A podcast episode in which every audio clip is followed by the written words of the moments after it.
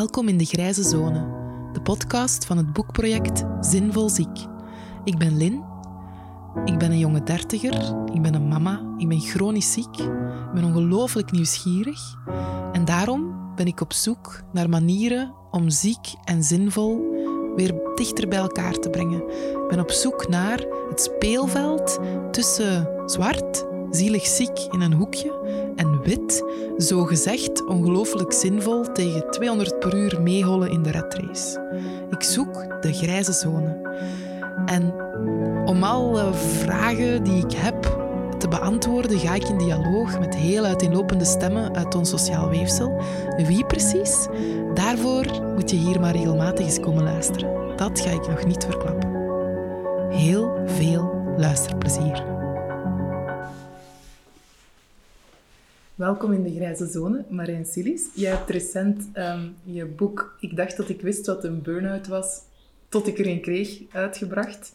Uh, niet heel lang nadat ik um, mijn boek Zinvol Ziek heb uitgebracht. En ik merk uh, best wel wat parallellen. Dus ik vond het fijn dat we nu mekaars boek hebben gelezen en daar nu eigenlijk ja, gewoon een boekbabbel over gaan hebben. Mm -hmm. um, ik vond de start eigenlijk al heel fijn met een disclaimer dat uw boek best een onverantwoord boek is. Ik vroeg me af of je daar nog een woordje uitleg bij kon geven. Wel, eigenlijk is een boek voor uh, burn-out eigenlijk al de verkeerde vorm.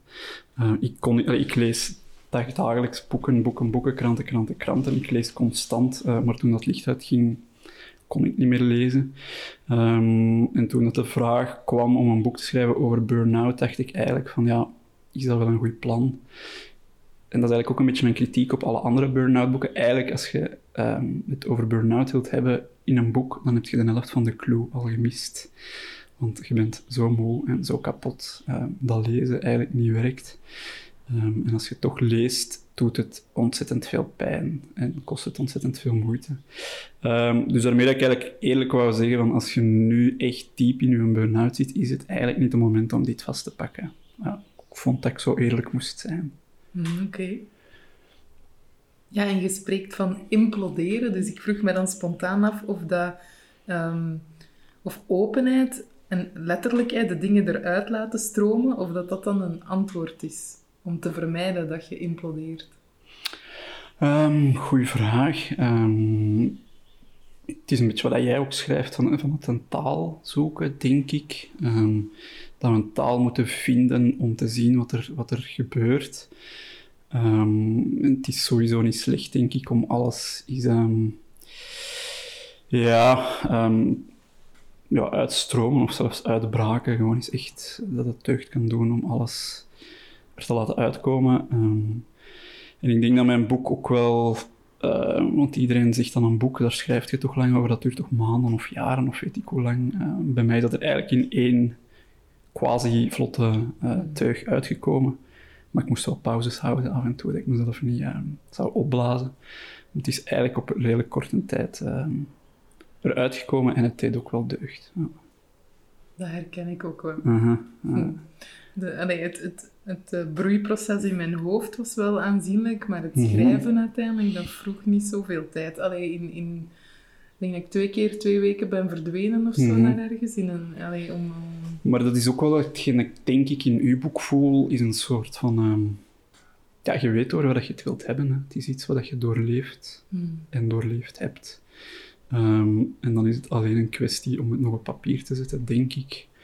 En dan horen mensen zoals ons dat graag schrijven. Uh, denk je dat dat dan gewoon puur praktisch uh, op papier zetten is. Um, maar ja, die taal zoeken, dat blijft wel een, een beetje een uitdaging. Ja. Ja, ja en je, um, je schrijft dat burn-out hyper-individueel is en tegelijkertijd is het niet jouw probleem, maar ons probleem. Mm -hmm. Leg eens uit. Um, eerst het hyper-individuele. Um, dat is het gekke aan burn-out, maar dat zal waarschijnlijk... Ik veronderstel dat jij hetzelfde ervaart in uw verhaal en mensen met een ander verhaal. Je hebt het gevoel dat zo... Het overkomt u en het overkomt u op uw manier, volgens uw karakter, in uw omgeving, in uw ervaring. Um, maar als je dan mensen vertelt, dan zeggen ze ja, ik had dat niet of ik voelde dat niet. Maar al wat jij kent is super herkenbaar. Um, Dus ik vind het verschrikkelijk moeilijk om te zeggen wat dan een burn-out is, of om dat uit te leggen. Maar tegelijkertijd, als mensen dat eens vertellen, denk je wel van, oké, ja, dat is het. En denk dat jij dat ook wel Mm. ervaart in jouw boek, eh, of als jij nu met mensen praat. En het is ons verhaal in de zin van, ehm, als je kijkt hoeveel mensen dat er burn-out zijn of hebben, eh, dat gaat over tienduizenden mensen. Ehm, als je daar de cijfers eh, depressie bij rekent, dan spreken we over een pandemie, denk ik. Het woord pandemie is nu niet echt populair momenteel. Maar dan denk ik dat we het over een pandemie kunnen hebben. Ehm, en is dat dan de schuld van elk van die individuele mensen dat die zich niet goed voelen of niet goed kunnen volgen? Ehm, ik denk dat niet, maar tegelijkertijd wordt de verantwoordelijkheid wel bij elk individueel iemand gelegd. Ehm, en als straks heel Vlaanderen begint te hoesten, dan maken wij ons zorgen over corona of over luchtkwaliteit. En dan gaan we nagaan hoe dat komt dat mensen hoesten. Maar als er tienduizenden mensen in Vlaanderen op, op een of andere manier zeggen van, of dat dan nu burn-out of depressie of iets anders is, van het lukt niet meer, of het kan niet meer, of het gaat niet meer, dan zijn dat bij wijze van spreken 10.000 individuele losers in het slechtste geval. Ja. Ehm, maar ik geloof dat niet meer. Nee. Nee, daar, daar, ehm, ja, daar kan ik in komen. Maar het is een moeilijke...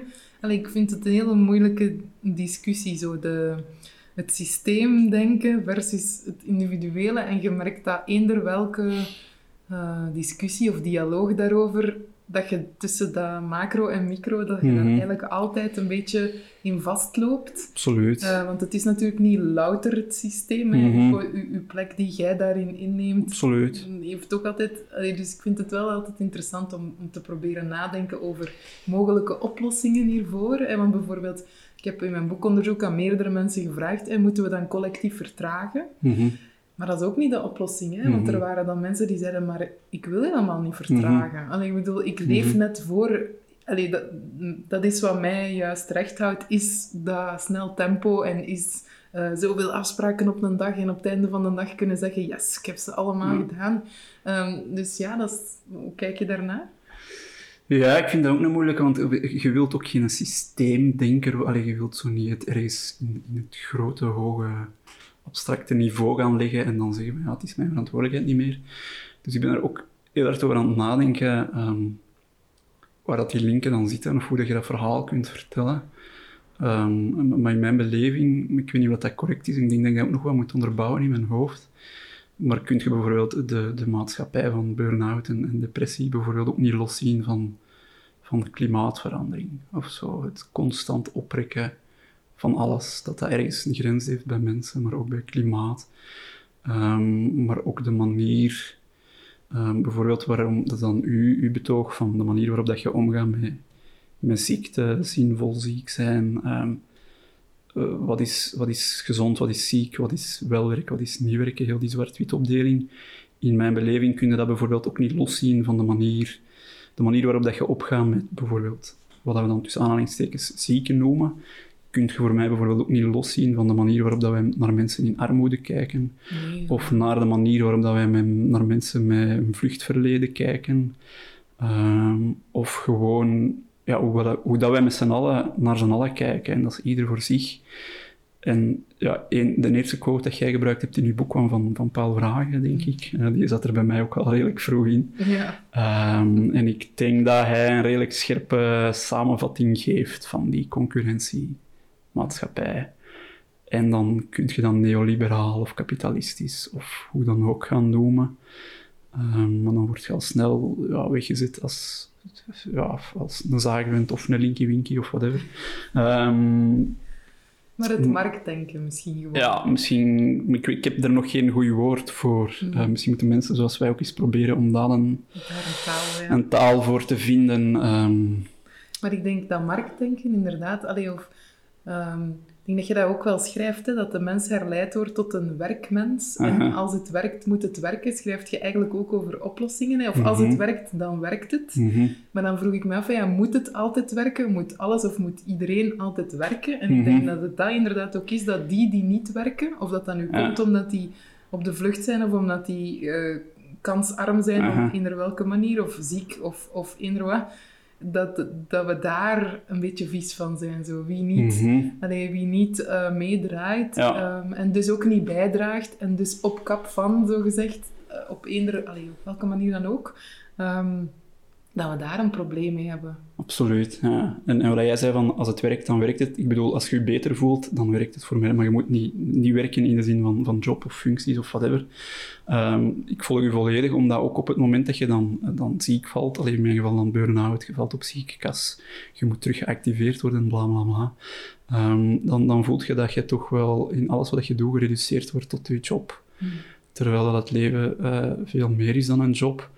En dan opnieuw, als, als we het dan over systemen hebben of over... eh, ik vertel hier niks nieuws. Als, als, als ik bijvoorbeeld 40 uur per week voor mijn demente oma zou zorgen, of ik zou 40 uur per week voor mijn mama met kanker zorgen, of ik zou gewoon de boodschappen voor mijn buurvrouw doen, dan wordt dat niet gepercipieerd als werk. Ehm, terwijl ik op die 40 uur misschien veel nuttigere dingen doe dan... ehm, in het slechtste geval nutteloze artikels schrijven of zo. Ehm, maar dat wordt niet gepercipieerd als werk. Ehm, en alles ja, wat wij doen, of, of het, het, het, het gelukkig zijn op zich, of het ons goed voelen op zich, lijkt ook zo altijd met dat ene doel. Als je je gezond voelt en goed voelt, dan kun je werken. Of dan kun je goed meedraaien als... Of het staat altijd wel in, in het richting van bijdragen of productie of, of, of Ja, en als je kunt werken, dan kun je kopen wat je nog gelukkiger gaat Ja, maken. ehm, het zit helemaal vast in, in dat denken, volgens mij. Ehm, maar ik heb dat nog niet helder, helder gekregen in mijn hoofd. Eh, maar misschien moet dat ook niet, omdat Paul Verhagen het eigenlijk redelijk helder noteert. Verhagen Ja, dus misschien moeten we niet uitvinden eh, wat al uitgevonden is. Ja, voor Ehm, mij is het gewoon frappant als je dan aan die zijlijn wordt gezet, hè, want dat is bij een, bij een chronische aandoening ook. Mhm. hè. Je, eens dat je dan die stempel arbeidsongeschikt hebt gekregen en je valt dan op invaliditeit, hè, wat dat Mhm. een heel lelijk woord vind ik. Ik las dat bij jou ook, dat jij zo invalide slik. mhm. Ehm, dan dacht ik, ja, uiteindelijk is dat een beetje een mismeesterd woord ondertussen, want op zich betekent dat gewoon, je bent langer dan een Mhm, jaar ja, niet aan het Ja, ja. werk. En dat heeft op zich niks te maken Nee. met wat jij als mens nog waard bent, maar we maken het er wel snel van in onze samenleving. Maar ik, ja, door aan die, aan die zijlijn te staan, vind ik dat je wel sneller ziet hoe absurd dat de spelregels zijn. Eh, en als je dan ziet dat beleid er vaak als enige oplossing ehm, op kan... eh, allee, of dat enige oplossing dat ze kunnen verzinnen, u zo snel mogelijk terug op dat speelveld zetten, Mhm. dan, ja, dan vraag ik mij gewoon af, van, kunnen wij dan als ervaringsdeskundige, in wat dat je dan ook ervaringsdeskundig bent, Mhm. ehm, niet veel meer een bijdrage leveren aan andere oplossingen dan allemaal Mhm. zo snel mogelijk terug eh, aan het werk. Absoluut. En ik vind dat je daar wel... Ik vind het goed, uw boek bijvoorbeeld, heel goed dat je je stem laat horen. Dat dat zeker al een begin is. En ik veronderstel dat je ook heel veel reacties hebt gekregen van mensen. Die zij dan dank u, of goed dat jij het nu eens gezegd hebt, of aangekaart ja, hebt. inderdaad. Ja. Veel mensen die zeggen, amai, dat is precies mijn verhaal en merci. En Mhm. ik ga dat, ik ga dat eh, aan mijn dokter laten lezen, door mijn dokter Mhm. laten lezen en door die en die en die. Ehm, maar dat is ook wel een beetje de bedoeling, dat is toch de hoop Ja. die ik heb. Ik denk dat, bij, dat dat bij u ook is, hè? Dat, dat, dat dat meer nog een boek is bijna voor de omgeving, dan Mhm. misschien per se voor de lotgenoten zelf. En bijvoorbeeld ook, ja, ik heb dan eh, in aanleiding, in aanloop naar het boek ook een, een, een opiniestuk geschreven in de standaard over bijvoorbeeld die controleartsen, dat ziekenfonds. Dat is niet omdat ik zo graag op controleartsen of een ziekenfonds afgeef. Ik schep daar geen plezier in. Maar ik heb er heel veel berichten op gekregen van mensen dat dat herkenbaar vinden. Ehm, en, en dat is gewoon, en mensen... maar dan zit ik opnieuw bij dat systeem, maar mensen willen dan blijkbaar niet zien. Dan was de commentaar van, ja, maar hoe lang wil meneertje Silis dan op ziekenkast blijven? Of hoe lang wil meneertje Silis dan... Of hoeveel wil hij dan krijgen? Terwijl dat dan juist het punt was van, ik wil niet op ziekenfonds. En wat een controlearts doet, als hij mensen onder druk zet, is mensen langer ziek houden. Dus dat is gewoon contraproductief. Ehm, maar ja, het is, het is, het is geknald. Alleen voor mij is een burn-out eigenlijk van een, van een fles knallen. De stop die dat van een, van een fles knalt, omdat er te veel druk op zit, En wat wij dan proberen is met alle mogelijke manieren, en waarschijnlijk is dat voor chronische ziekte op welke vorm dan ook hetzelfde, die stop daar terug op krijgen. Maar dat lukt niet. Dat schuurt en dat doet zeer. En moet je zo hard duwen als je wilt, die stop raakt daar niet terug op. En dan zit ik opnieuw bij, dat, bij dat, ja, dat, dat systeem dat dan blijkbaar vindt dat wij toch op elke mogelijke manier, al is het half afgesneden, toch maar terug in die fles geraken of zo. Hmm. En dan, ja, dan zit ik weer, want wat zou de individuele, allee, wat zouden wij kunnen aandragen als ervaringsdeskundige? Ik denk dat dat belangrijk is dat wij ons stem laten horen, dat wij de kant kiezen van wie dat er ehm, momenteel zijn stem niet kan laten horen of wil, kan, wil laten horen, dat we die kant kiezen en die positie ook pakken. Ehm, en van ons laten horen. Ik denk dat dat momenteel het belangrijkste is.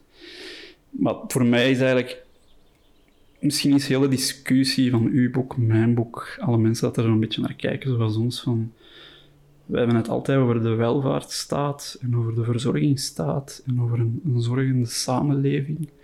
Ehm, maar wat stellen wij ons daar nog bij voor? Ehm, er mag niet meer voor jou gezorgd worden. Je moet zo snel mogelijk ingeschakeld worden. En, en, en het is ieder voor zich. En we hebben het dan over waarden en normen constant in mm. alle mogelijke richtingen. We moeten onze waarden en normen beschermen en verdedigen. Ehm, maar als we dan kijken naar mensen die langdurig ziek zijn, bijvoorbeeld, dan is het eerste woord dat valt profiteurs, of lui, of dit of dat. En dan kom ik terug uit bij de samenleving. Waar staat dat dan nog voor als samenleving? Ehm, dat is voor mij eigenlijk een, een, grote discussie. Ja, absoluut. Ja, ik heb uh, onder andere met Ariane Bazan ook gesproken mm over het boek. En zij, zij zei dat ook van, weten, weten we eigenlijk nog wat het betekent om voor elkaar te zorgen? Mhm.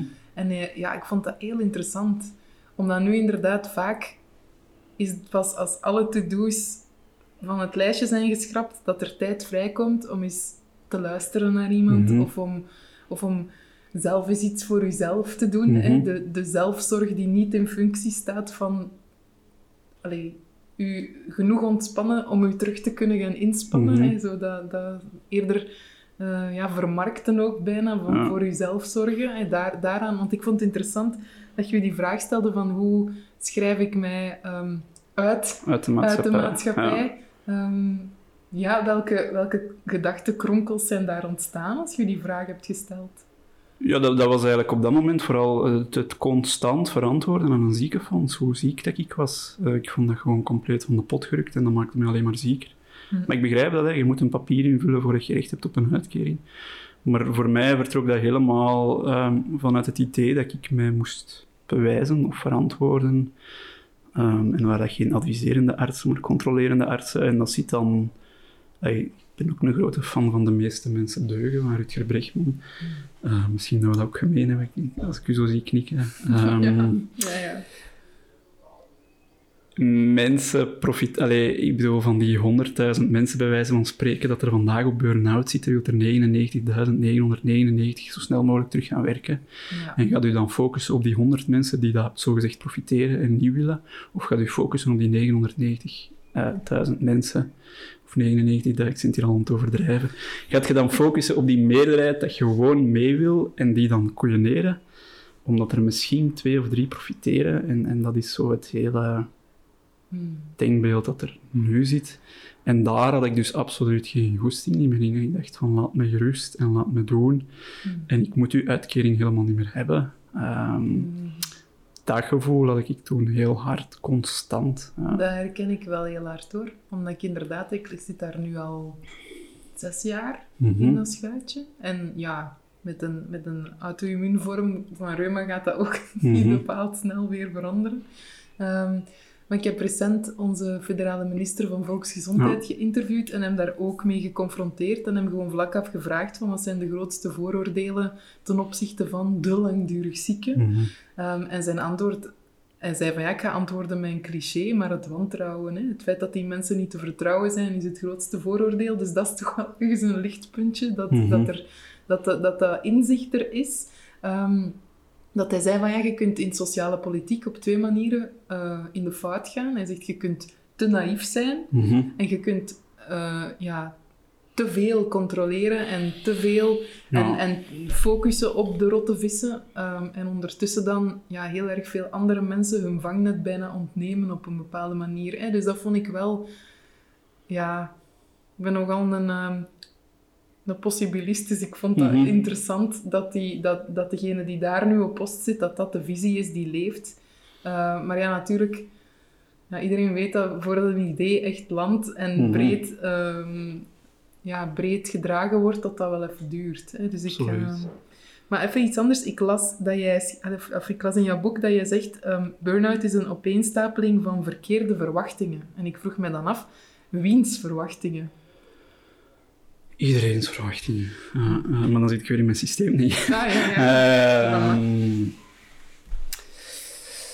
maar als ik het op mezelf trek, eh, gewoon wat ik ehm, wil doen en kan doen en denk te moeten doen en tegelijkertijd mij inbeeld ehm, wat anderen van mij verwachten. Ehm, en omdat ik zo zelf veel van mezelf verwacht, verwacht ik ook dat anderen heel veel van mij verwachten. Ehm, Is dat niet deel van het probleem? De verwachtingen die, die je zelf invult voor anderen, voor jezelf? Ja, dan zitten we weer bij vragen. Hè. Ik denk dat er een prachtige quote over die dat ik nu niet gewoon ehm, zomaar uit mijn hoofd kan zeggen, maar eh, het ging erover ehm, wat dat je denkt dat andere mensen van u denken. Of, allee, daar kwam het op neer. Ehm, ja, dus, dus dat is zo... De vraag is eigenlijk, als ik perfectionistisch en onzeker ben, in hoeverre komt dat uit mezelf en in hoeverre komt dat ergens van buitenaf? Ehm, en die wisselwerking, dat probeer ik dan aan te duiden van ik heb mijn burn-out, wij hebben onze burn-out. Ehm, maar dat is nog wat vaag. hè. Ik moet dat, ik moet dat nog eens, mijn hoofd moet dat nog vorm krijgen.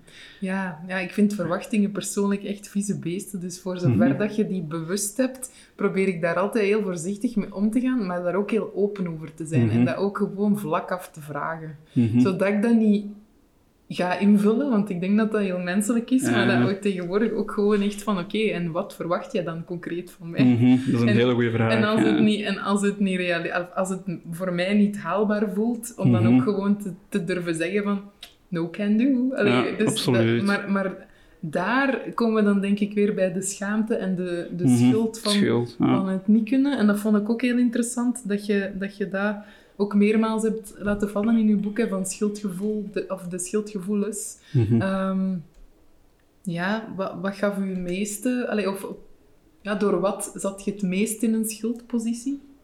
Het gevoel dat ik het mezelf had aangedaan, denk ik. Het, eh, niemand breekt u in uw plaats af. Ehm, ja, hoe kun je zo, zo dom zijn om zo diep te vallen of zo ver te geraken? Of hoe kun je jezelf zo steen per steen afbreken dat je op je 8, 29 ehm, gewoon in de zetel ligt te huilen en, en niet meer kunt volgen? Ehm, ja, dat was mijn grootste schuldgevoel. En iedereen deed zijn best en ik had dan eigenlijk nog niks om over te klagen. Ehm, want ik weet niet hoe dat jij dat bekijkt. Ik voelde dat wel wat terugkomen in uw boek. Zo het, eh, ja, jij hebt nu een chronische ziekte, dus ik, misschien dat geprivilegeerd het verkeerde woord is. Maar wij zijn, wij, hebben, wij zijn niet arm, denk ik. Allee, als ik voor mezelf praat, ik ben niet arm. Ehm, in mijn omgeving is iedereen redelijk goed en gezond. Ehm, ik ben een witte man, heteroseksueel, dus ik kan eigenlijk alle lijstjes afvinken. Ik ben perfect geprivilegeerd. En waarom lig ik daar dan op de zetel? En ook zo het gevoel van... Maar dat is een denkfout, hè. Allee, Is dat een denkfout? Ik vind dat echt een denkfout, want ik heb, ik heb eh, overlaatst... ehm, dat staat denk ik ook achteraan in mijn boek bij de aanraders, ehm, Mhm. de podcast van Onbespreekbaar. Mhm. En in die eerste aflevering ehm, hebben ze het samen over het feit dat, ehm, dat er altijd wel ergens iemand het erger zal hebben dan jij. Dus Ja. als je dat als excuus neemt om jezelf nooit, om je eigen leed Mhm. nooit een plaats te geven, dan, dan gaat het er... Klopt. Dan is er dus nooit plaats voor je leed, want er is altijd ergens wel iemand die erger af is. Dus ik denk dat dat misschien... Allee, ik denk ook net dat, dat vergelijkingsdenken van ja, maar ik mag niet klagen, want Mhm. ehm, dat dat ook deel van het probleem is. Ja. En dat we daardoor te weinig klagen en dat we ook heel veel oor... Allee, te weinig. Daarmee bedoel ik niet verzuipen in slachtofferschap, maar dat we Mhm. toch te weinig uiting geven aan ons persoonlijk leed, om, Ja. omdat we elke dag ook op tv, overal, constant geconfronteerd worden met daar waar het nog Mhm. erger is. Hè? Dus ik weet niet, ik denk dat dat een- echt een denkfout is om eh, te, te denken van ik mag hier niet liggen huilen in mijn zetel, want ik heb een dak boven mijn hoofd en Mhm. ik heb op het einde van de maand nog boterhammen op mijn bord en... mm, maar dat weet ik niet. Klopt, misschien is dat er ook gewoon ingecijpeld. Dan misschien ook gewoon doorheen je leven dat je hebt geleerd van je moet niet zeuren, want. Of eh, je hebt het allemaal goed, want. Mm. Ehm, Ja, en dat vind ik alleen inderdaad een, allee, dat, dat is een vrij mm, kwetsbaar stukje in mijn boek, denk ik. Hè, dat ik, dat, dat, dat ik eh, allee, over mijn kindertijd, hè, dat, ehm, dat verdriet een, eh, een hele goede reden moet hebben, eh, bij wijze van spreken. En ik denk dat, dat, dat daar misschien ook wel een gevaar in schuilt. Zo, dat je altijd een heel goed excuus moet hebben Mhm. om, om je tranen te tonen of zo. Dat is bij mij herkenbaar in een andere vorm, in het ontspannen, is, is, is pas gerechtvaardigd als je hebt ingespannen. Mm. Dus je kunt pas ehm, rust nemen als je iets gedaan hebt. Ehm, toen ik met een burn-out naar, naar een coach of zo ging, zei hij ook van, pak nu maar eens gewoon rust, ga maar wandelen, doe wat je graag doet, al die dingen. Ehm, maar ik kon dat precies niet in de zin van, nee, maar ik heb het niet verdiend, want ik heb gisteren en eergisteren niks gedaan. En een verlof is pas fijn als je daarvoor een half jaar bij wijze van spreken jezelf kapot hebt gewerkt. Dus dat denken zat er bij mij ook wel heel erg fel in. Je moet iets verdienen voordat je iets krijgt. Ja, maar dat viel mij ook op, inderdaad. De dingen die je dan opsomde, waar je dan... ehm, hoe moet ik dat zeggen? Waar jij dan je, je rust en je ontspanning in vond, hè, Mhm. zoals reizen en, en wandelen en, Mhm. en ehm, lezen en noem maar op, dat dat, dat dat dan vaak een soort van privileges van de werkende klasse Mhm. zijn. Want, als je, want dat is, als chronisch zieke, voor mij vind ik dat een heel belangrijke vraag van, moogt je als je ziek bent ook nog genieten van de Mhm. dingen waar je normaal van geniet als je werkt en gezond bent. Want daar zit toch heel veel oordeel op. En dat, dat stigma van de profiteur of de luie doos of wat je ja. wilt, komt daar voor een stuk door, omdat mensen denken, ja, maar je bent niet aan het werken en jij doet nu ganse dagen, of jij hebt nu ganse dagen vrije tijd, wat dat Mhm. uiteraard het meest idiote vooroordeel is dat er kan bestaan. Want, allee, ik bedoel, de- gewoon al... ehm, ja, soms is gewoon al uit mijn bed geraken Mhm. zo een strijd dat ik denk van ja, nu heb ik wel nu heb ik mijn zetel verdiend, want ik ben gewoon tot beneden geraakt. Ja. Ehm, en, en dat inlevingsvermogen, dat denk ik, dat, is, dat kun je niet zomaar kweken. Ook niet, jammer genoeg, zelfs niet door goede boeken te schrijven, Mhm. maar allee, een, een beetje misschien. Hè. Dus ik, en, en inderdaad, daarin snap ik dat je zegt van, ik hoop dat het vooral de omgeving is die het leest. Mhm. Dat is bij mij eigenlijk ook. En dat is dan tegen de commerciële winkel allee, gesproken, maar ik heb zoiets van, ik hoop echt dat, dat de lotgenoten die het boek lezen, dat ze het doorschuiven, echt letterlijk onder de neus van iemand waarvan ze vinden, die begrijpt mij niet. Mhm. Van hier, le- lees dit eens. Ehm, dat, dat lijkt mij echt een bijzondere kans. Ehm, Ja, en dat is eigenlijk het, het, het grotere verhaal, het gebrek aan empathie. Dat is, mensen kunnen zich gewoon niet meer inleven in iets of iemand anders. en heb je een theorie over waarom dat dat zo is? Ik zit weer bij vermarkting en bij neoliberalisme en, en ieder voor zich. Daar, daar kom je dan automatisch bij uit. Ehm, maar hoe kun je nu... Hoe kun je nu bijvoorbeeld zo... Ja, nu ga ik weer de term Linky Winky naar mijn hoofd krijgen, maar hoe kun je nu zo verzuurd zijn over vluchtelingen? Hoe kun je nu zo kwaad zijn op mensen die hun eigen kinderen meenemen in een bootje op de Middellandse Zee? Hm. Hoe kun je daar nu zo heftig tegen tekeer gaan? Gewoon het idee van, zou ik ooit met mijn twee... Ik heb geen kinderen, maar met mijn twee neefjes op een bootje stappen in de Middellandse Zee. Alleen van dat idee gaat het toch al kapot, Hm. denk ik. Ehm, en eigenlijk moeten we blij zijn dat... Eigenlijk moeten we bijvoorbeeld blij zijn dat we elk jaar onze belastingen of onze, onze ehm, zorgkas kunnen betalen, omdat dat betekent dat we ze zelf niet nodig hebben. Hm. Ehm, en ik Maar- kan het me niet inbeelden hoe dat voor u moet zijn om bijvoorbeeld echt een strijd te voeren om uit uw bed te geraken. Ik kan dat inbeelden vanuit burn-out, hoe moeilijk dat, dat is, maar niet vanuit bijvoorbeeld pijn en stramheid, zoals je in uw boek zegt. Maar dan zou ik inderdaad eerder zeggen, van je hebt je zetel juist wel verdiend, in plaats van niet. Ehm, Maar dat is weer, weer dat hele ja, marktdenken van verdienen, verdienen, verdienen. Je moet ergens recht op hebben. Maar ik kom eigenlijk altijd uit op schaarste denken. Dat dat juist het probleem is. Het idee dat er niet genoeg zou zijn en daardoor bijvoorbeeld vluchtelingen, Mhm. dat mensen daarop flippen omdat ze denken, ja, die gaan hier komen, komen pakken dat, dat wat ik Mhm. nog tekort kom of wat ik Mhm. nog niet heb. En dat wordt ook in, in het politieke discours wordt dat ook heel makkelijk mm, allee, heel breed uitgesmeerd van die gaan nu jobs komen in palmen en die gaan te veel wegen op onze sociale zekerheid en je gaat je vangnet niet meer hebben, want die Mhm. vreemdelingen en maar net zo goed die zieken, hè, als, je, Mhm. als je kijkt in de media hoe, ook opnieuw taalgebruik, hè, hoe erover wordt gesproken, ik vind dat tenen krullend. Allee, zo, we, moeten, eh, we, gaan, we treden te mild op tegen de groep langdurig zieken of eh, we moeten de langdurig zieken aanpakken. Dan denk ik Mhm. alsof wij zo'n rattenplaag zijn. Allee, ik word daar een beetje triestig van, van die... Van die... Het is degoutant, hè. Ja. er is geen ander woord voor. Nee. Je Nee. kan er eh, harder aanpakken van langdurig ziek. Ik wens dat niemand toe, maar ja, allee, knalt er maar eens van tussen met een burn-out. Ja. En dan is het nog maar burn-out, want allee, je hebt dan in ieder geval is dat voor de rest van je leven. Ja. Ehm, ik word daar echt mottig van, maar het is gewoon het gemakkelijkste discours. Hè. Het is het gemakkelijkste discours om te voeren van de, wie dat zwakker heeft of minder heeft. Ehm, moeten we aanpakken en dat is gewoon een, totaal gebrek aan empathie. En volgens mij ook tegennatuurlijk. Ehm is een, is een, is een, de, de reden waarom dat wij samenleven in gemeenschappen is toch om voor elkaar te kunnen zorgen, denk ik. Volgens mij. Ehm, ja, maar ik denk dat het verhaal dat luider klinkt, is dat je vooral voor jezelf moet zorgen. mhm. Allee, Nu wel, ja. Ja, ja. Maar het verhaal van schaarste is gewoon het verhaal van gepercipieerde schaarste. Allee, dat is nog iets anders, er is genoeg. ja, ja. ja. Er is veel meer ja, dan genoeg. absoluut. En er is- ja. ja, het is dus- gewoon niet goed verdeeld. Het is, eh, nee, ja, absoluut. Ehm, maar als je dan zegt, we moeten eh, eens gaan kijken bij de aller, allerrijkste, dan ben je blijkbaar een communist of zo. maar het is gewoon niet gezond voor een samenleving, die ongelijkheid. Hm.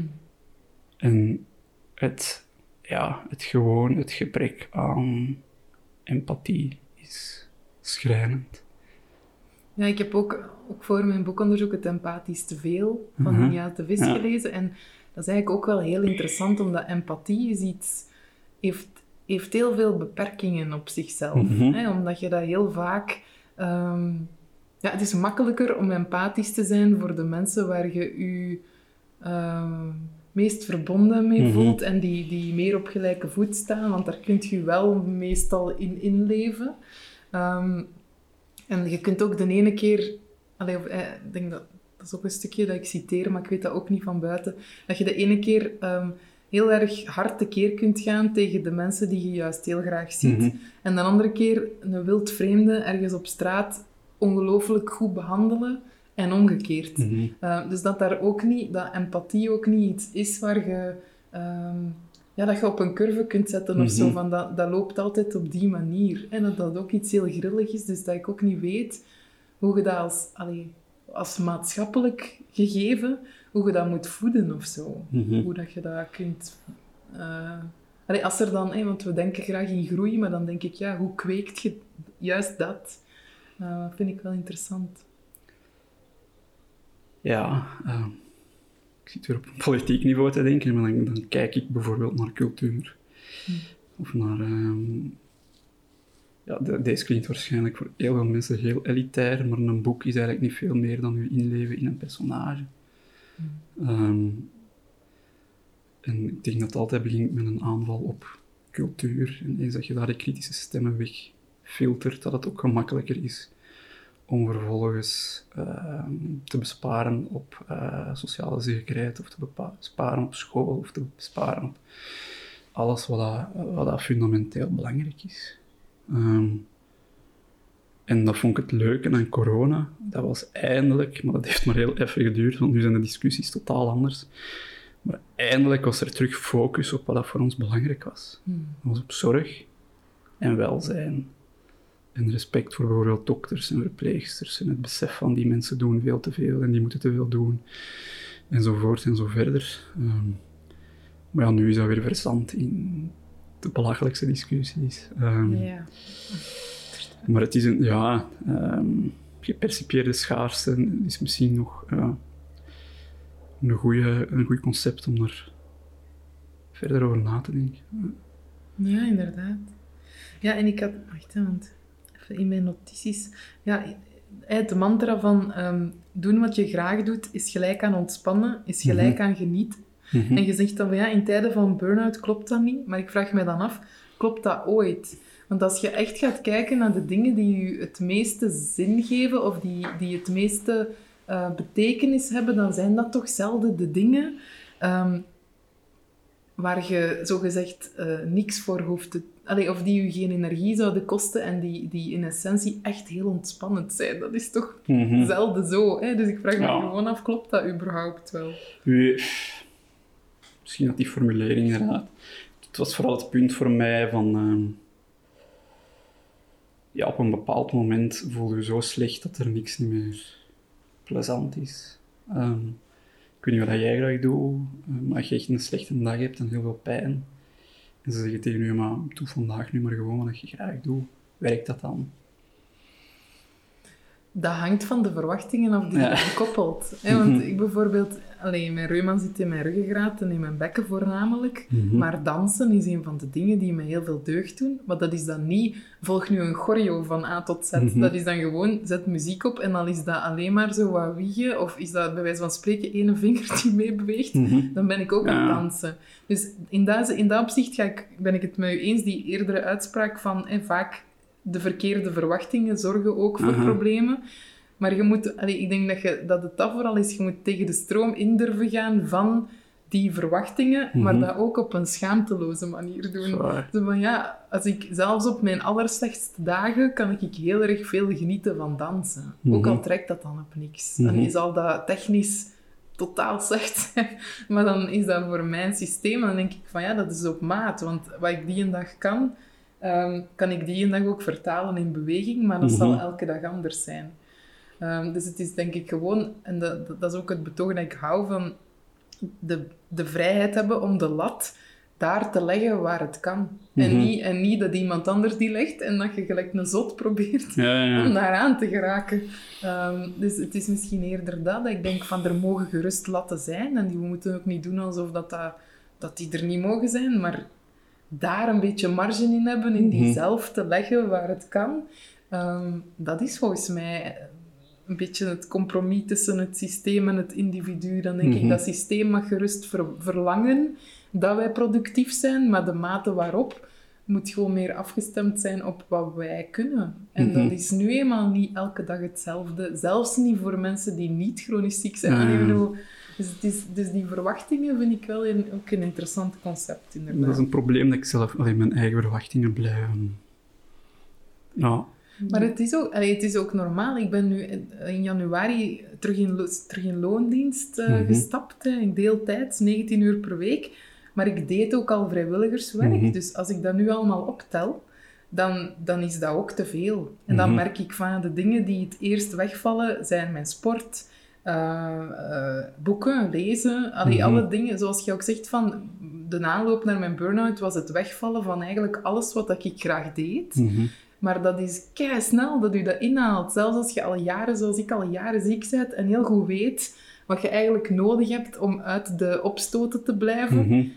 ja, dan heb je ambitie en die is er ook. Ja. En die moet ook speelruimte krijgen. Maar ja, allee, dat balanceren, dat kun je denk ik ook niet alleen. Allee, bedoel, want dat wordt dan ook als individuele verantwoordelijkheid van jij moet je evenwicht vinden. Zo. Ja, maar allee, Absoluut. dat ja. is niet zo gemakkelijk. De verantwoordelijkheid ligt dan inderdaad altijd bij u. Ja. En dan zeggen de mensen wel, ja, maar bij wie moeten we ze anders leggen? En dan denk ik, ja, ik snap uw punt, maar allee, het is, het is, het is en, en- meer dan... Ja. Het is niet Lien en Marijn die dat per definitie moeten veranderen. Misschien moet iedereen rondom ons ook veranderen. En dat stond bijvoorbeeld ook in uw, in uw boek. ehm, dan smijten ze plots met een cursus veerkracht naar Ja, uw wat hoofd. is weer? Wat is weer? Ja, één, wat is veerkracht? En ten tweede, misschien moeten ze misschien wat minder hard duwen op mensen, Hmm. in plaats van mensen kweken veerkracht. Alleen mensen te laten veerkracht kweken. En zo'n cursus veerkracht kost dan per toeval ook 1500 euro voor drie lessen, bij wijze van spreken. Wat dan toch weer mooi meegenomen is voor degene dat die cursus veerkracht geeft. Ehm, En dat is dan weer zo de hele industrie van... Voor wie volg je die cursus veerkracht dan? Voor jezelf of voor iets of iemand anders? En van wie is die verwachting om veerkrachtig te zijn? Ikzelf of verwacht een andere dat van mij? Ehm, en dat is ook zo hetgeen wat mij in, in zekere zin irriteert aan heel de burn-out-industrie. Want die is er wel degelijk. Ja, Ehm, absoluut. Ja, dat is gericht op... Ja, mensen worden daar zelf beter van. En Hmm. eigenlijk wilt niemand dat ik mezelf beter voelt. Eigenlijk wil iedereen dat ik gewoon zo snel mogelijk terug in dat systeem zit. Hmm. Ehm, en misschien is zo'n burn-out coach dan vooral een verwachting van iemand anders en niet van mezelf. Ja, oplappen en... eh, En weer doorgaan. Ja. Ah.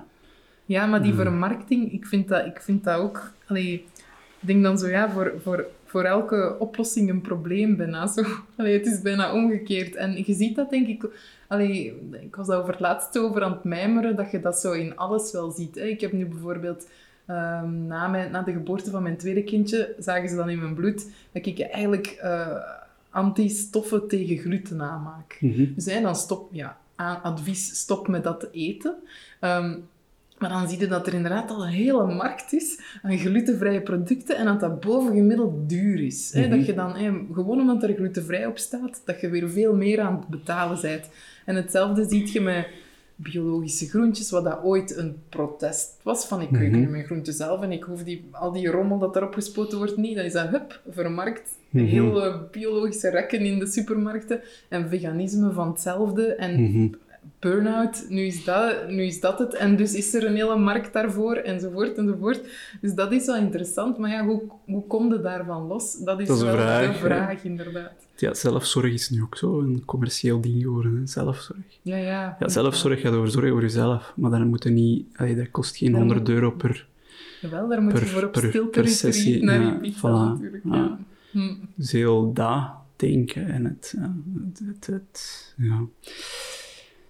Het zijn moeilijke eh, vraagstukken, hè. Maar het is wel zo dat je... Ja, Hm. dat er veel verwacht... Allee, dat, dat het allemaal op een bepaald moment gewoon ingekanteld wordt in het... Ik ben er weer, dominante systeem. Waarom, allee, waarom geven grote bedrijven, waarom bouwen die een fitness in hun gebouw? Of waarom geven die eh, mensen mindfulness-sessies tijdens de werkuren?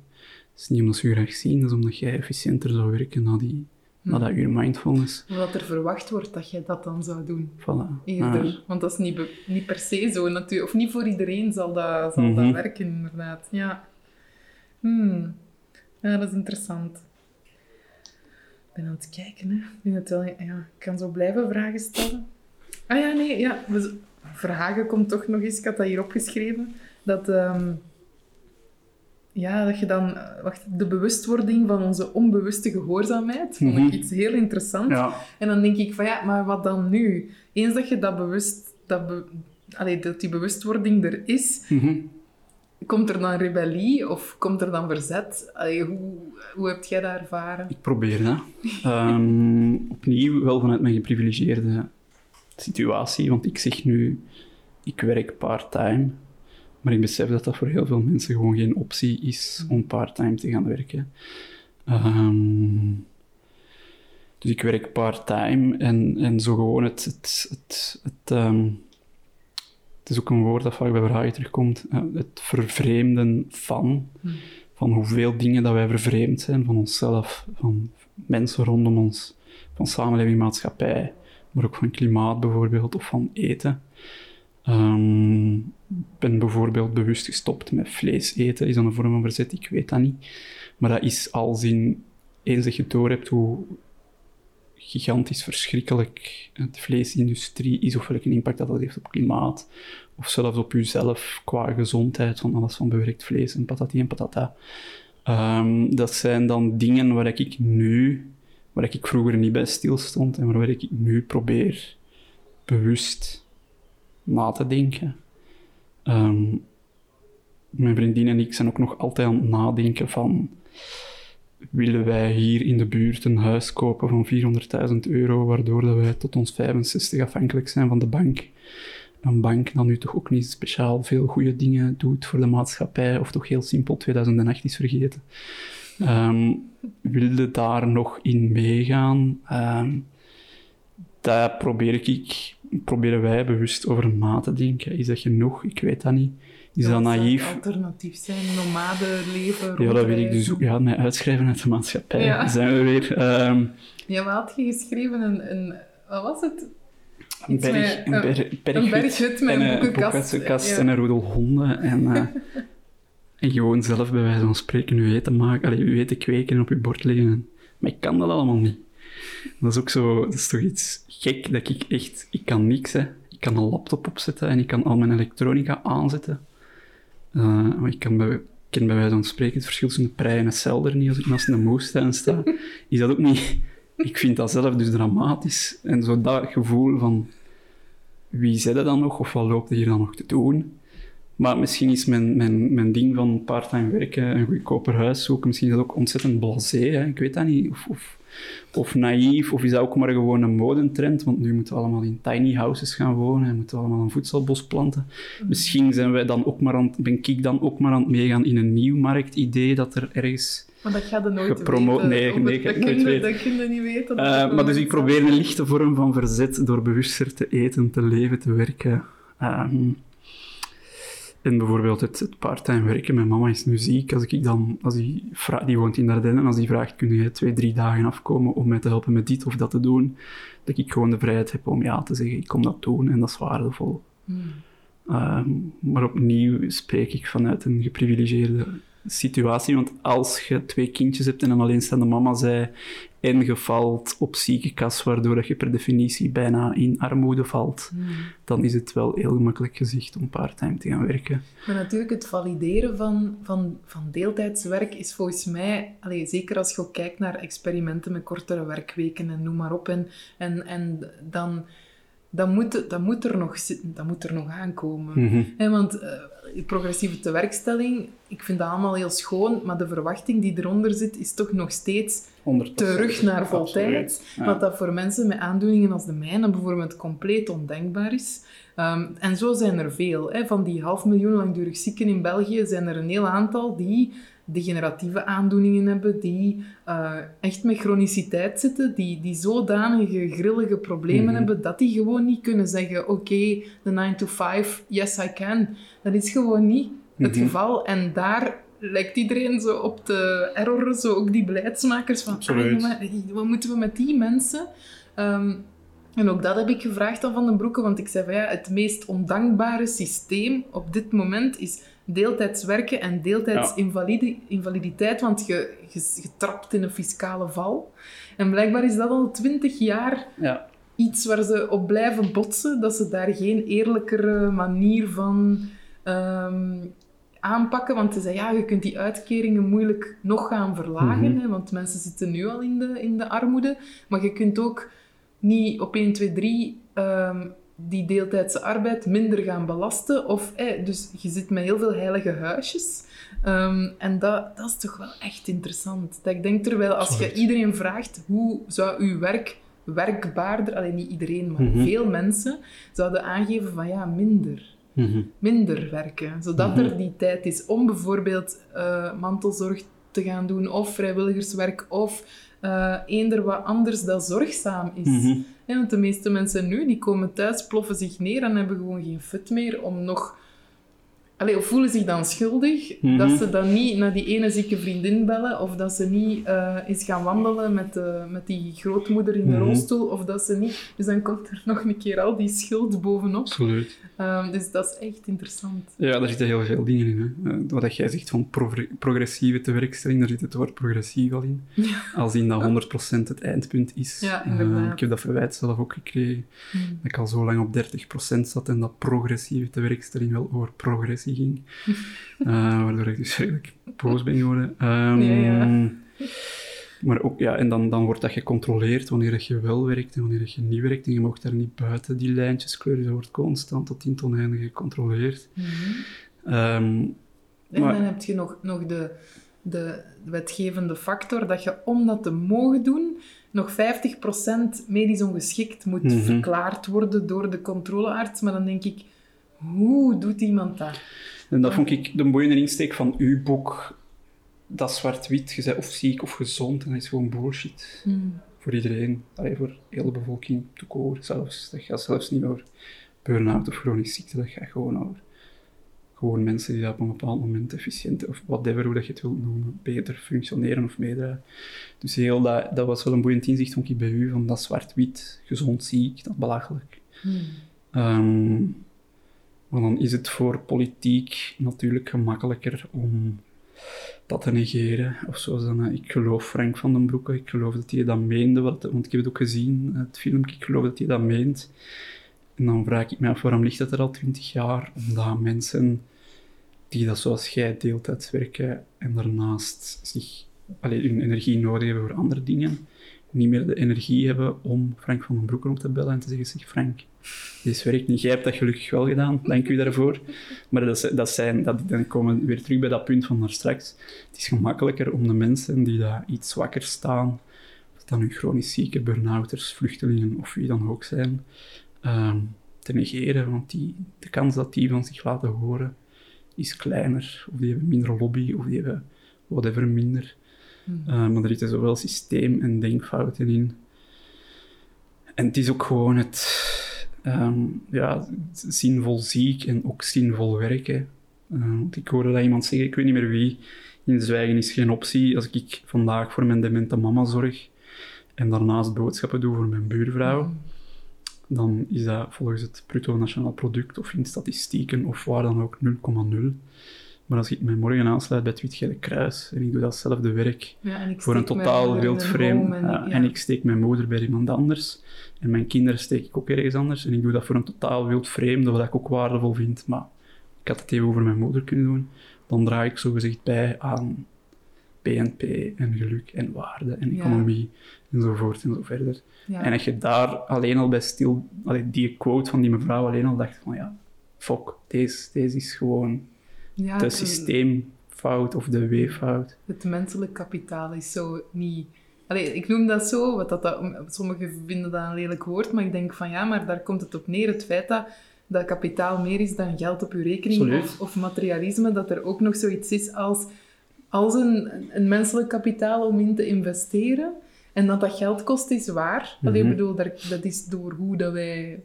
Hoe dat ons systeem in elkaar zit, zal dat altijd geld Mhm. kosten om mensen ehm, kansen te geven. Maar dan Mhm. denk ik, ja, dat is toch wel...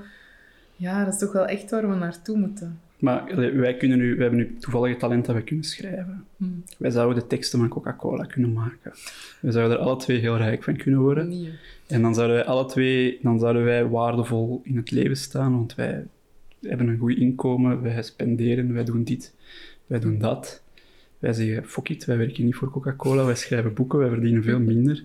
Wij staan voor een deel op ziekenkast in het slechtste geval. Allee, bij wijze van spreken, dat klinkt nu heel pejoratief. Maar als wij dan daarnaast bijvoorbeeld een tijd nemen om voor onszelf te zorgen, of voor ons zieke mama, of voor onze demente oma, dan zouden wij zogezegd minder waardevol zijn dan dat wij flesjes zwarte suiker verkopen. Hm. Dat is zo het hele concept van de bullshit shops. Dus alles wat dat van waarde is, en dat je bijvoorbeeld gewoon vrijwilligerswerk... Vrijwilligerswerk wordt nu bijvoorbeeld ingezet als een vorm van reïntegratie. Of als je niet meer kunt volgen, ga dan maar even vrijwilligerswerk doen om er terug in te komen. Mhm. Alsof dat een middel moet zijn om terug in een Dat echte wereld... ar- Arbeid light. Ja, Om, om terug mee te kunnen in een echte wereld, terwijl dat vrijwilligerswerk per definitie fundamenteel noodzakelijk, belangrijk, waardevol is, goed voor iedereen. Hm. Maar dat stelt dan blijkbaar niks voor. Dus als ik 40% voor Coca-Cola zwarte suiker verkoop, of ik probeer nuttige dingen te doen met mijn pen en daarnaast vrijwilligerswerk te doen, straf ik één mezelf en twee blijkt dat dan minder waardevol. Maar dat zijn dan ja, discussies die dat wij op een of andere manier niet meer voeren, misschien niet meer kunnen voeren, omdat we toch wel andere dingen aan ons hoofd hebben. Waarom zouden we nog inzitten met vluchtelingen die daar duizend kilometer verderop verzuipen? Als je morgen je rekeningen moet betalen, of waarom als je dit nog moet doen of dat nog moet doen. Hm. Ehm, dus als je zegt schaarste, dan lijkt mij de grootste schaarste op deze moment gewoon de schaarste aan waarde en tijd. Ja, absoluut. Ja, nee, daar ben ik het helemaal mee eens. Ja, en nog iets helemaal anders. Ja. Ik, ja, want het is, boeiend. Allee, je kunt blijven, we kunnen wel blijven bouwen, denk ik. Maar ehm, je schrijft ergens dat je hoofd ehm, u meestal het meeste genot geeft. Mhm. En dat dat dan eh, door de burn-out niet... niet dat dat dan eigenlijk geen optie meer was. Maar iets dat ik mis in uw... Allee, mis. Ja, Ja, dat ik mis in uw boek is eigenlijk intimiteit. Want je zegt, hoofd geeft, je- mijn hoofd geeft net het meeste genot, maar lichamelijkheid, en zeker in deze tijden waarin Mhm. dat, dat eigenlijk een beetje uit den bozen is, daar heb je niks over geschreven, over intimiteit, over seksualiteit. Klopt. Is dat bewust? Was Dat uit schaamte? Of... Eh, nee, dat is niet uit schaamte. Want ik denk dat ik redelijk in mijn blootje in een boek... Allee, denk ik wel dat ik redelijk eh, open en eerlijk ben over alles. Ehm, maar het is mijn boek. En mijn intimiteit en seksualiteit is voor mij per definitie verbonden met mijn vriendin. Mhm. En dat is eigenlijk... ehm, ja, dat is haar verhaal. Allee, dat is ons verhaal. En, Mhm. het is, en dat wou ik er niet in betrekken. Ehm, om die reden, omdat ik zelfs nu al weet ik dat mijn... Het staat er ook letterlijk in, denk ik dat mijn vriendin zegt, is dat nu echt nodig om zoveel van jezelf bloot te geven? Ehm, dus dat zelfs nu al. Ja, Ehm, maar uiteraard dat intimiteit en, en seksualiteit en zo, dat dat ook een hele belangrijke rol speelt. Ehm, maar dat vond ik dan eigenlijk nog zoiets van mij en mijn vriendin. En ik dacht van, ik heb nu al zoveel weggegeven, dat dat zo nog juist... Voelt je een exhibitionist door je boek? Nee, maar andere mensen zeggen wel van, oeh, maar ja, dat, dat wist ik niet, of dat, dat is toch wel heel intens, of dat is toch wel... ehm, Maar ik zelf niet, want ik heb zo, ja, je, je kunt zo hetzelfde voor u, je kunt dat boek niet schrijven als je niet eerlijk bent. Hè.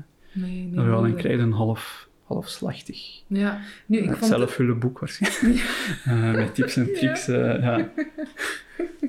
Ja, ik vond het stuk waarin je je vriendin zelf aan het woord laat eigenlijk ook heel mooi. Over Mhm. haar beleving.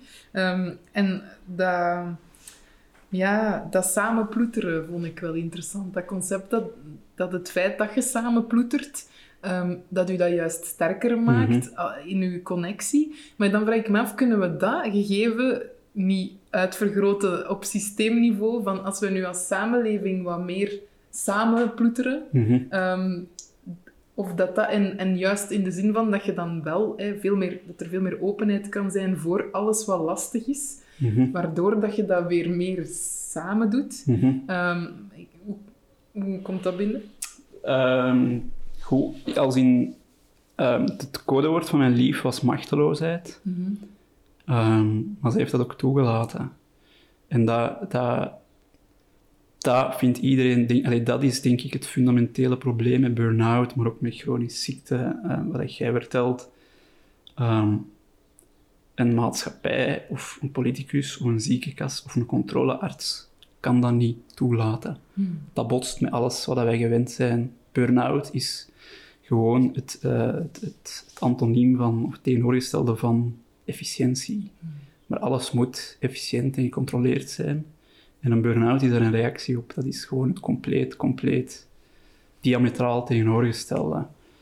En mijn lief had mij kunnen overladen met de beste groene thee en met de gezondste quinoa. En, en die had alles kunnen doen wat dan niks geholpen had. Maar die heeft net gedeeld in die machteloosheid en het er zijn. En misschien is dat gewoon... Misschien moeten we mensen niet laten verantwoorden voor een ziektefonds of een controlearts als ze ziek zijn. Misschien moeten we dat gewoon accepteren. En als jij tegen mij zegt van er zijn momenten dat het beter lukt om te werken, dat we u daar niet voor gaan straffen als u dat lukt. En als jij op een bepaald moment zegt van ja, nu lukt het me niet, even goed, want we moeten er toch altijd van uitgaan dat jij graag werkt en graag allee, een rol opneemt. Of dat ik, allee, ik zeg nu jij, maar ik of wie dan ook. Ehm, maar dat, dat lukt ons niet. We moeten dat kunnen efficiënt genoeg controleren, berekenen, bespieden, eh, hoe dat je het ook al wilt noemen. We krijgen dat niet losgelaten. En misschien is dat inderdaad wel de parallel dan tussen, tussen microniveau mijn vriendin en macroniveau politiek. Eh, ja, het loslaten. En dat gaat dan diametraal in tegen economen die dat zeggen, langdurig zieken is de groep die dat we nog kunnen, hoe was het, Ja, de, de, nee, de- Controleren. te- waar we te mild tegen optreden. te mild tegen optreden. Ja, terwijl dat jij juist schrijft, ik ben milder geworden. Verklaar u nader. Op welke manier? Ik probeer me minder druk te maken in dingen en eh, ik ben harder geworden voor ehm, economen die dat zeggen dat er een groep is waar je tegen moet optreden. Ik bedoel, wij zijn geen kakkerlakken die dat je tot de laatste moet vangen. Uh, Nee, als je een kakkerlak laat lopen, zijn er binnen twee weken terug kakkerlakken. Maar het is niet omdat je ene zogezegd profiterende langdurig zieken mist, dat die andere 1 miljoen langdurig zieken eh, het geld uit je zakken klopt. Enfin, ik kan me daar druk in maken, dus daar ben ik boos op geworden. Eh, Ik heb me ook boos gemaakt in controleartsen, ziekenfondsen, noem maar op. Eh, maar ik ben veel milder geworden ten opzichte van andere mensen. En u zelf? Eh, moeilijk. Moeilijk? Dat Nog blijft. steeds moeilijk? Ja, absoluut. Dat blijft. eh, ja, dat is het fabeltje van burn-out. Je krijgt een burn-out en daarna is alles anders. Maar dat is niet zo. Ik blijf Marijn die daar met zijn angsten en, en eh, imperfecties blijft zitten. Eh, ik ben nog altijd niet. Ja, want ik zeg nu, ik, ik werk part-time, maar diep van binnen blijft het toch altijd ergens wringen dat ik meer wil, kan, moet doen. Ehm, maar ik heb wel het gevoel dat ik zachter ben geworden voor... Ja, ik heb me de laatste weken zo'n zin dat mij soms te binnen schiet als ik zo discussies zie op tv of op Twitter van wat geeft u het recht om over hem of haar te oordelen? En waarom maken we ons daar met z'n allen toch zo druk in hoe dat iemand is of wil zijn? Ja, ja, je schrijft in je boek, ehm, dat is wat burn-out doet, een vraag, allee, vraagtekens plaatsen achter alles. En dan vraag ik me af van, ja, zijn wij zowel op individueel niveau, maar ook op samenlevingsniveau een beetje bang geworden van de grote moeilijke vragen te stellen en daar dan over na te denken? Ik denk dat wel, absoluut.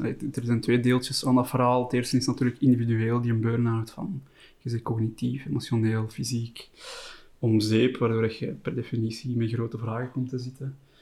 Ehm, maar eens dat je dan in je herstel zit, en nu de fase waar ik nu in zit, voelde wel van ja, dat klein verzet dat je dan zogezegd wilt plegen. Kan ik dat plegen? Wil ik dat plegen? Overschat ik mezelf niet dat ik dat kan plegen? En als je druk hebt en je bent aan het razen en aan het draaien, dan, dan vergeten die vragen. Of je hebt geen tijd om erbij na te denken. Als je al je rekeningen moet betalen, dan vraag je niet af of dat we wel in de juiste richting aan het draaien zijn. Ehm, dus ik denk dat we die vragen, die grote vragen, inderdaad wel, wel vergeten of niet meer durven stellen. Want eens dat je ze stelt, kun je daar toch niet meer rond, denk ik. Nee, inderdaad. Ja, de vraag waar ik... Waar ik nou, dat is natuurlijk ook door, door de job waar ik nu in zit, hè, waar ik het meeste, of het vraagstuk dat mij het meeste bezighoudt eh, tegenwoordig, is inclusie. Mhm. Hoe komen we daar? Hoe bereiken we dat? En, en als mensen daarover spreken vooral, ehm, spreken ze dan over hetzelfde. Ja, want dat Mhm. vind ik ook heel interessant, de verschillende invullingen van wanneer is iets wel of niet inclusief. Maar dan denk ik, ja, ehm, de invulling van handicap bijvoorbeeld is eigenlijk Mhm. best breed. Als je vanuit de mensenrechten gaat kijken, een VN-verdrag, dan zou eh, Marijn de Burnouter valt ook onder personen Mhm. met een handicap op het moment dat die problemen zich aan het voordoen zijn Mhm. en langdurig aanhouden. Dus dan denk ik, ja, moeten we dan niet een soort van samenleving creëren waarin dat, ja, dat, dat die er, bij wijze van spreken bijna iedereen daar op een bepaalde manier ondervalt of potentieel ondervalt, zodat, Mhm. zodat die kloof tussen inderdaad wie dan ziek of een handicap heeft en wie dat niet heeft, Mhm. dat die gewoon veel kleiner wordt, zodat mensen doorhebben van, ah ja, als we ons engageren voor, of als we ons inzetten voor ehm, de meest kwetsbaren, dat we Mhm. dan de grondlaag voor iedereen eigenlijk verstevigen. Want nu wordt dat vooral, hé, dat zijn allemaal kostenposten en, en dat kost allemaal geld en we hebben dat geld niet. En, uh, allee, dat, dat vind ik... Ja, ehm, het zijn ook de dingen waar ik mij boos over maak. Want jij werkt voor Griep, hè? Ja. Ehm, dus ik heb onlangs iemand geïnterviewd, Herman, die eh, eh, krijgt, die staat op de wachtlijst voor een persoonlijk assistentiebudget. En in de tussentijd krijgt hij dat niet, want die man moet 20 jaar wachten. Alleen niemand Ja. weet hoe lang dat hij moet wachten. Mhm. Waardoor dat hij in een rusthuis woont. Al van zijn 59, hè, als ik me niet vergis. Al lang, ja, lang. zit hij in dat, in dat rusthuis, ja. En dan denk ik van, maar dat zijn toch allee, opnieuw waarden, normen, de kern van onze maatschappij, onze verzorgingsstaat, ons samenlevingsmodel. Dat is toch zorgen voor de mensen die het minder hebben. Er zijn voor iedereen. En dan kan ik me er ontzettend druk over maken dat we daar dan niet van wakker liggen. Dat zou toch de kern of de basis van ons gesprek moeten zijn.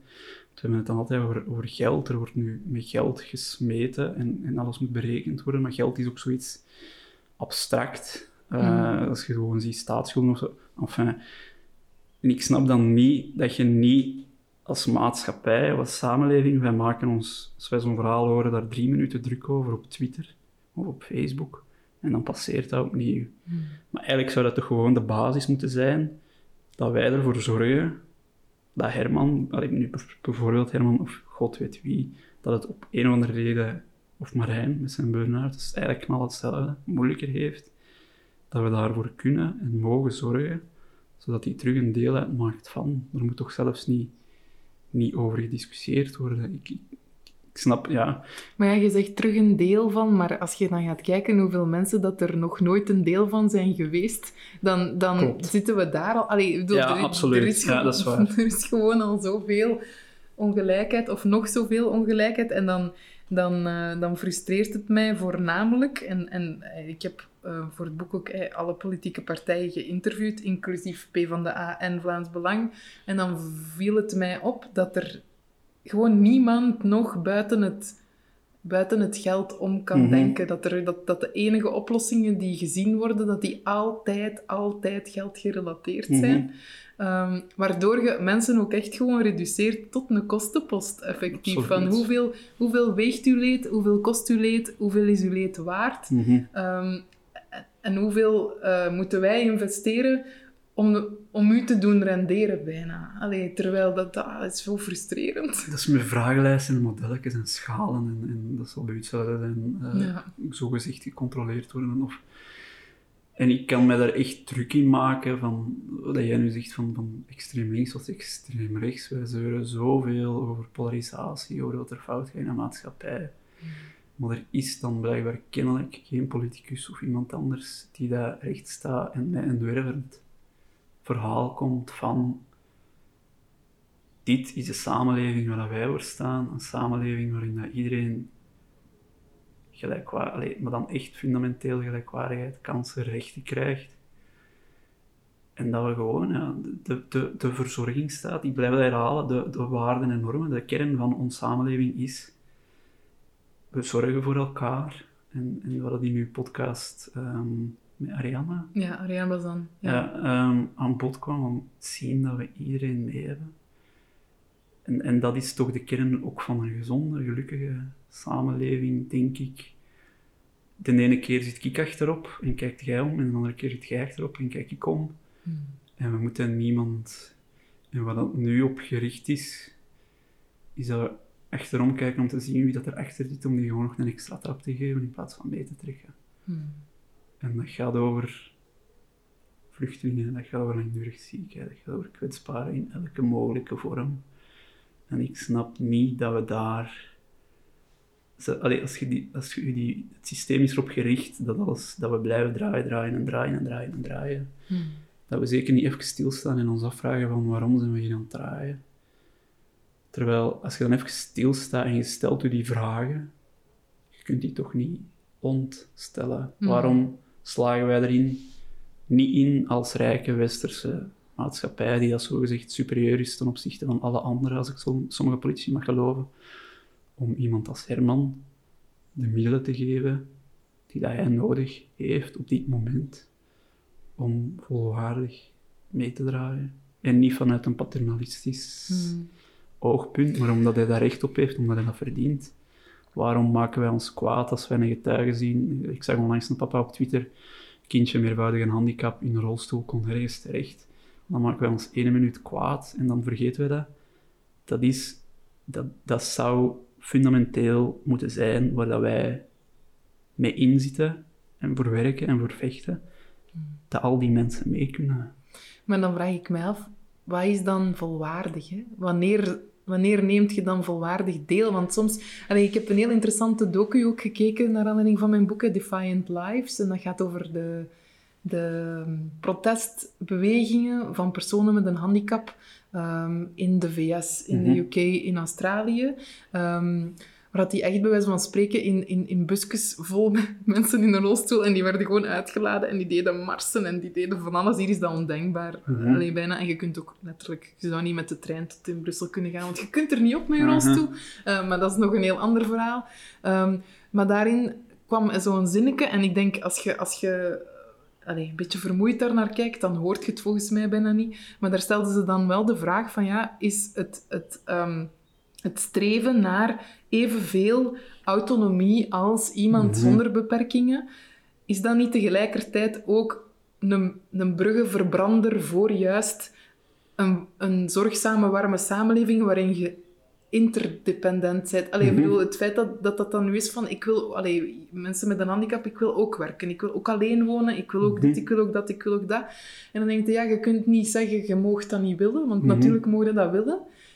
Maar is dat willen dan wel zo gezond? Ik vraag me dat dan af, van, is die, dat extreem streven naar ik, eh, de autonome persoon, Mhm. en ik moet alles zelf kunnen kunnen, want daar komt het dan op neer. Hè. We geven nu een persoonsvolgend budget en dan kun jij zelf, zelf de regie, jij Mhm. kunt het zelf. Dan denk ik, ja, maar is dat wat we willen? Is dat wat mensen in essentie dan wel willen? En dat is Mhm. misschien ook niet zo'n populaire vraag, maar ik, ze zit er toch mee in mijn hoofd. Dat is uw vraag van de verwachtingen. hè. Ja. Is het uw eigen verwachting of de verwachting van iemand anders? Mhm. Denk ik. Ja. Eh, in een ideale wereld zouden mensen dat voor zichzelf moeten kunnen uitmaken, wat, wat dat zij dan... Ja, en dan zou dan je berghut met je boekenkast eigenlijk ook Ja, gewoon oké eh, moeten zijn. Dat is misschien te utopisch, dat weet ik. Maar er zou zo toch bijvoorbeeld een ondergrens moeten kunnen zijn van, van wat dat je nodig hebt om deel te maken van een gezonde maatschappij, Hm. als je dat zelf wilt, of zo. Ja, oké. Maar dat zijn al veel... eh, Ja, wel. Maar om af te ronden, ik, ik denk, ik, ehm, ik ga het woordexperiment doen waar ik normaal eigenlijk altijd mee begin en Mhm. dat ik nu raar genoeg vergeten ben, maar dus gaan we daar ehm averechts eens gewoon mee eindigen. Hè. mhm. Wat zijn de, de eerste drie woorden die in jou opkomen bij het begrip ziek? Ziek, ellende, ehm, vermoeidheid, ehm, onbegrip. En de eerste drie bij het woord zinvol? Ehm, waardevol, betekenis en ehm deugddoend. En als je ze in één adem zegt, zinvol ziek, welke associatie krijg je dan? Ehm, engagement, respect, inclusie. Oké, mooi. Dank je wel, Maria. Graag gedaan en jij ook bedankt.